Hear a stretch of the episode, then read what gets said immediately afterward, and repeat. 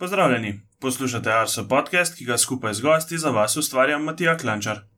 Na novega leta dan smo skupaj z Branetom Gregorčičem in Janezom Polajnerjem pregledali vremensko in hidrološko dogajanje v preteklem letu. Vabljeni k poslušanju. Vse ostale epizode lahko najlažje najdete v vaši priljubljeni podcast aplikaciji na vseh pametnih napravah. Najdete nas tudi na družabnih omrežjih, na Twitterju smo Mete vsi, na Facebooku pa smo Arso Vreme. Da bodo za nas izvedeli tudi ostali, nam lahko pustite kakšen komentar na Apple Podcasts. Vse komentarje, pripombe in predloge pa sprejemamo tudi na elektronskem naslovu podcast.arso.afnago.si. Današnja epizoda je 30. po vrsti. V zadnjih tednih nad našimi kraji ustraja območje visokega zračnega tlaka. Temu vremenskemu sistemu pravimo anticiklon, Anticiklon bo tako danes osrednja tema današnjega podcasta. Nekaj več o tem pa bo povedal prognostik Blaž Ter. Pozdravljen, Blaž. Ja, živijo. Uh, še preden pa se lotiva razlage anticiklona, bova današnji podcast začela z vremensko uganko. Za vas, dragi poslušalci, bomo sestavljali zanimive vremenske uganke, na katere boste lahko odgovarjali na naš elektronski naslov in na naša družabna omrežja. Prva vremenska uganka se glasi: kdaj in kje smo v Sloveniji izmerili neuradno najnižjo temperaturo zraka. Pa še manjša pomoč, o tej temi smo govorili tudi v enem izmed podcastov v preteklem letu. Blaž, ti se pa verjetno tega dogodka spomniš, a ne? Se spomnim, ja. Um, je pa že minilo kar nekaj časa, tako da manjša pomoč ni ravno v bližnji preteklosti. Super. Uh, Lotiva se sedaj današnje osrednje teme. Na kratko sem že malce opisal, kaj anticiklon je. Za malo daljšo razlago, pa zdaj, sedaj prosim tebe. Ja, anticiklon povezujemo z lepim vremenom, nekako obratno, kakor pri ciklonalnem vremenu. Je takrat, ko imamo anticiklon, običajno vreme lepo. Um, gre za območje visokega zračnega tlaka, ki um, se nekako okrog središča se zrak vrti v smeri urnega kazalca. Uh, vemo, da se v anticiklonu zrak spušča, tako da zaradi spuščanja so obla, pač vlage manj, uh, oblakov običajno ni, uh, vsaj v zgornjih uh, plasteh atmosfere, um, kar pomeni, da je običajno jasno vreme. Vendar ja, po zimi uh, lahko nastane megla, nizka oblačnost, tako da ni povsem čisto jasno. Oziroma, lahko se zgodi marsikaj, no, tudi v anticiklonalnem vremenu. Uh, običajno govorimo tudi o temperaturnem obratu, takrat, ko je anticiklon. Ja, je pa zelo pogost, recimo, predvsem v hladni polovici leta, nekje od decembra do marca, lahko tudi daljša, lahko tudi daljša obdobja suhega vremena z, anticiklon, z anticiklonom. In če ta nekako vztraja dalj časa, to obdobje, morda teden, 14 dni, lahko temu anticiklonu lahko pravimo tudi blokadni anticiklon, oziroma kar preprosto blokada. In če pogledamo malce aktualno stanje, dejansko smo v nek, nekakšni takšni vremenski situaciji, pa zdaj že od ja, konca decembra 2020. Res je, ja, nekako, nekako od 23. decembra nimamo padavin, oziroma vsaj izmerljivih ne. Uh, tako da ja, ta anticiklon kar ustraja, nekako. Imamo situacijo, ko se ukrepi nad Zahodno Evropo, se razširja na naše kraje, potem recimo proti vzhodu um, Evrope, uh, potuje proti vzhodu Evrope in ta proces se neprestano obnavlja, tako da uh, res uh, anticiklon le občasno malo slabi, vendar uh, kakšne večje spremembe pa v tem času nismo imeli. Uh, meteorologi radi gledamo meteorološke karte. Ja. Zdaj me pa zanima, če znaš, oziroma kako bi predstavil našim poslušalcem, kako najdemo na teh meteoroloških kartah območja z visokim zračnim tlakom. Ja, to so v bistvu včasih je bilo to redno delo meteorologa.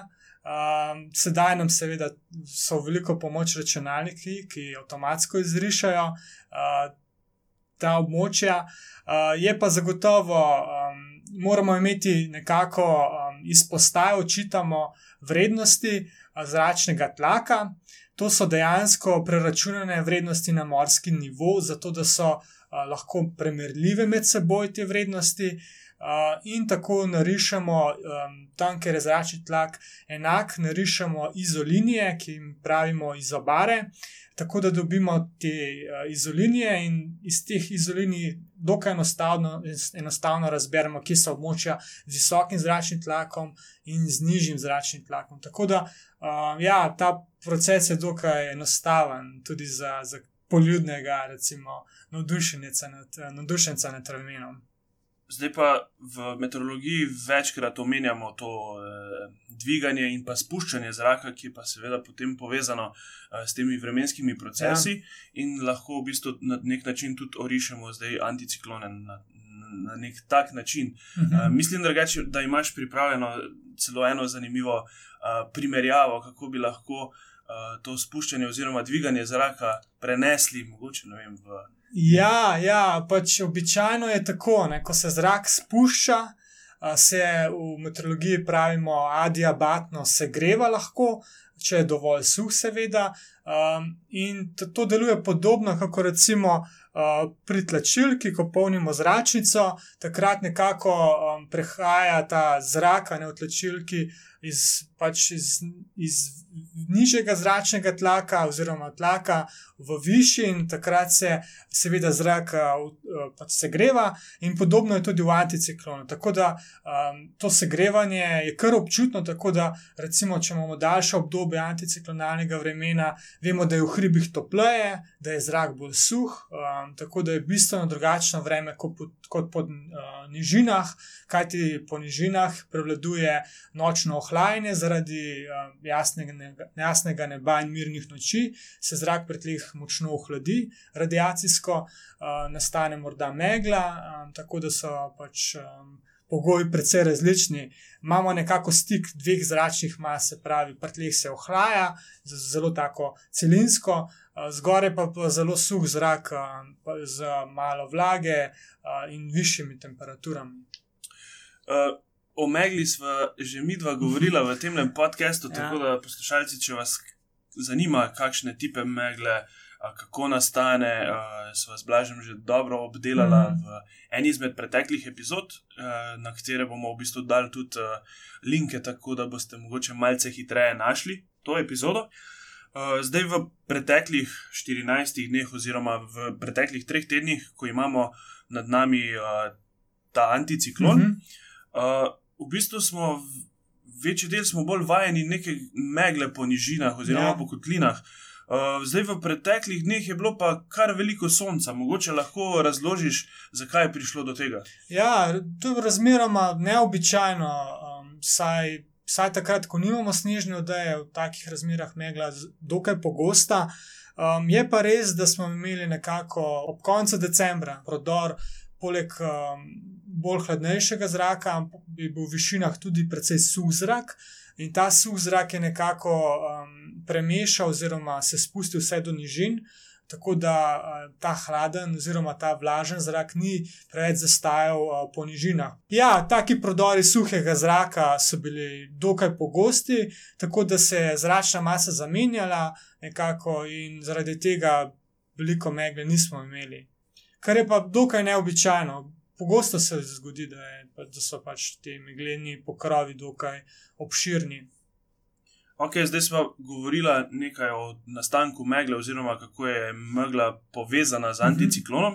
Uh, velikrat se pa zdaj zgodi, v bistvu tudi, da se ta megla verjetno pretransformira v neko nizko oblačnost, tako da imamo ja. zdaj po nižinah. Ja, če, če recimo ta anticiklon malo slabi, oziroma se pomakne bolj proti vzhodu in je kakšen izrazit ciklon nad Zahodno Evropo ali pa Atlantikom, takrat lahko nekako preidemo pod vpliv bolj jugozahodnih vetrov in ti nam prenesejo ponavadi to bolj morsko zračno maso, tako da se pooblači na primorskem, notranskem, lahko tudi v srednji Sloveniji, uh, medtem ko je na vzhodu um, jasno ali pa kako je sedaj tudi megleno. Um, gremo malce pogledati, če po svetu anticiklone. Ja. A obstajajo drugače mogoče območja, kjer so ti anticikloni, kjer jih v bistvu večkrat tudi zaznamo, oziroma Ja. vidimo na vremenskih kartah. Ja, to so zagotovo območja, kjer najdemo vse te velike puščave po svetu, uh, pa tudi, recimo, kje nad uh, oceani, recimo Azorski anticiklon je značilen predvsem poleti.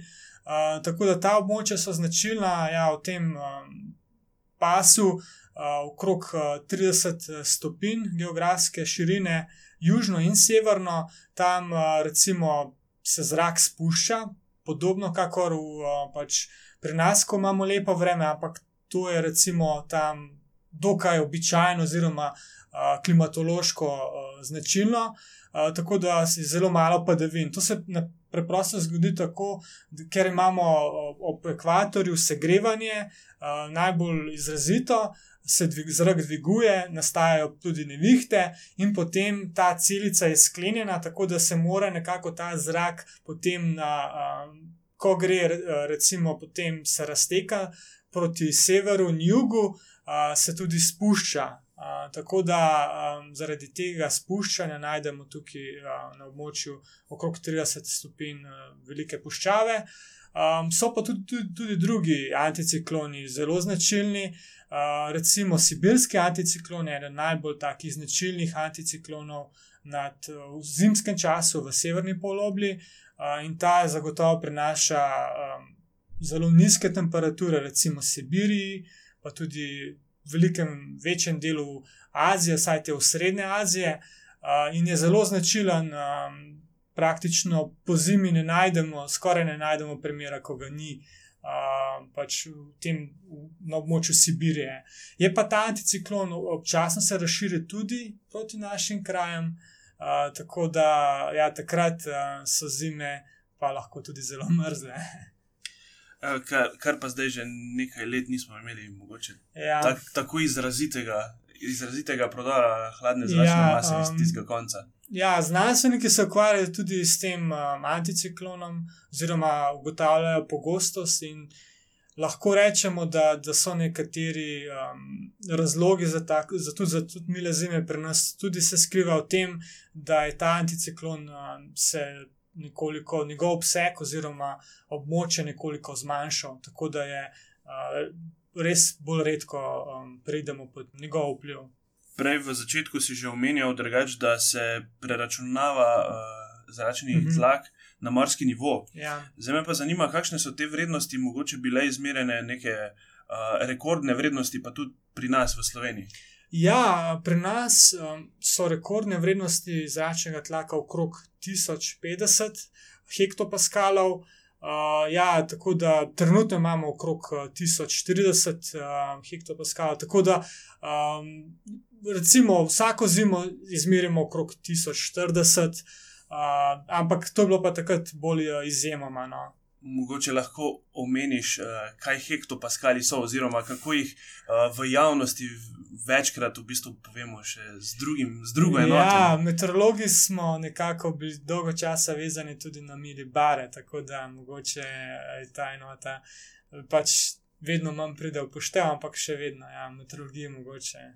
Uh, mogoče za konec, da končamo s temi anticikloni, uh, glede na to, da si sam tudi prognostik, kako izgleda napoved uh, ob tem anticiklonalni situaciji?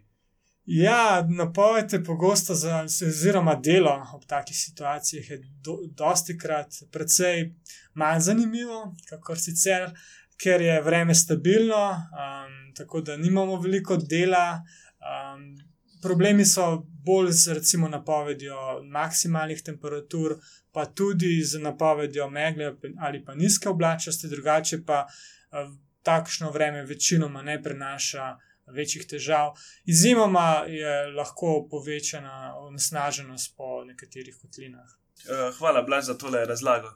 Letošnja novost v našem podkastu bodo pa tudi vremenski obeti, kjer bomo pogledali vre, v vremensko prihodnost. Uh, ker je tokrat naš gost prognostik Blaž Ter, bom za vremensko napoved poprosil kar njega. Uh, Blaž, kaj kažejo, kaj vremenski modeli, bo še naprej suho ali bo kaj bolj zanimivega vremenskega dogajanja? Ja, vsaj do petka kaže, da bo suho vreme, nekako um, spet anticiklonalen tip vremena, ampak potem ob koncu tedna pa bi lahko prišli pod vpliv manjšega ciklona. Zaenkrat pa je precej negotovo, kako točno bo potoval, kako globok bo, tako da um, tudi, seveda, posledično so tudi napovedi um, količine padavin za soboto, oziroma ali sploh bodo padavine in tudi oblika padavin za soboto, precej različna.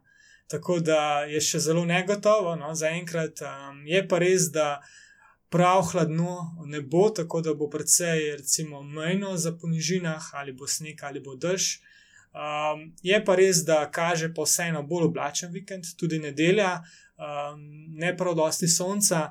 Uh, tako da, ja, konec tedna bolj kot ne oblačen, bo pa potem um, hladneje, vsaj v višinah se bo hladilo, tako da morda za smočišča nekaj boljši obeti, če ne, če ne bo snega, bo vsaj dovolj hladno uh, za umetni sneg. Um, tako da, ja, dolgoročni obeti pa vsekakor malce bolj zanimivi. Um, tudi v prihodnem tednu so še odprte karte, lahko rečem, tudi za kakšno novo poslabšanje. Uh, je pa res, da so napovedi še zelo različne. Da, ampak vsaj nekaj po tem, tej suši, ki smo imeli sedaj, vsaj nekaj upanja tudi za kakšne padavine. Zato pa le spremljajte tudi našo vremensko napoved na naših spletnih straneh v prihodnje. In pa za tiste, ki boste morda podcast poslušali ta vikend, boste lahko verificirali, oziroma boste videli, če so se blaževe napovedi uresničile. Tako da najlepša hvala, blaževe. Ja, hvala. Napoved. Današnji podcast pa bomo zaključili z vremenskimi zanimivostmi iz obdobja od 1. do 10. januarja letošnjega leta. Najvišja temperatura je bila izmerjena na postaji Dobliče pri Črnomlju, 10. januarja je bilo 14,1 stopinje Celzija. Najnižjo temperaturo smo izmerili 6. januarja ob 8. zjutraj na postaji Babno polje. Temperatura se je spustila do minus 12,7 stopinj Celzija. Najhitrejši sunek vetra smo izmerili na postaji Kredarica, 5. januarja je pihalo s hitrostjo 138 km/h. Na postaji Krvavec smo na novega leta dan izmerili največ sonca, sijalo je 8 ur in pol. Občutnih padavin v tem obdobju pa ni bilo na nobeni izmed naših opazovanih postaj. Tako smo prišli do konca 30. epizode Arso podcasta. Hvala vam, dragi poslušalci, za poslušanje in pozornost obilo lepega vremena do naslednjič in se slišimo čez 14 dni.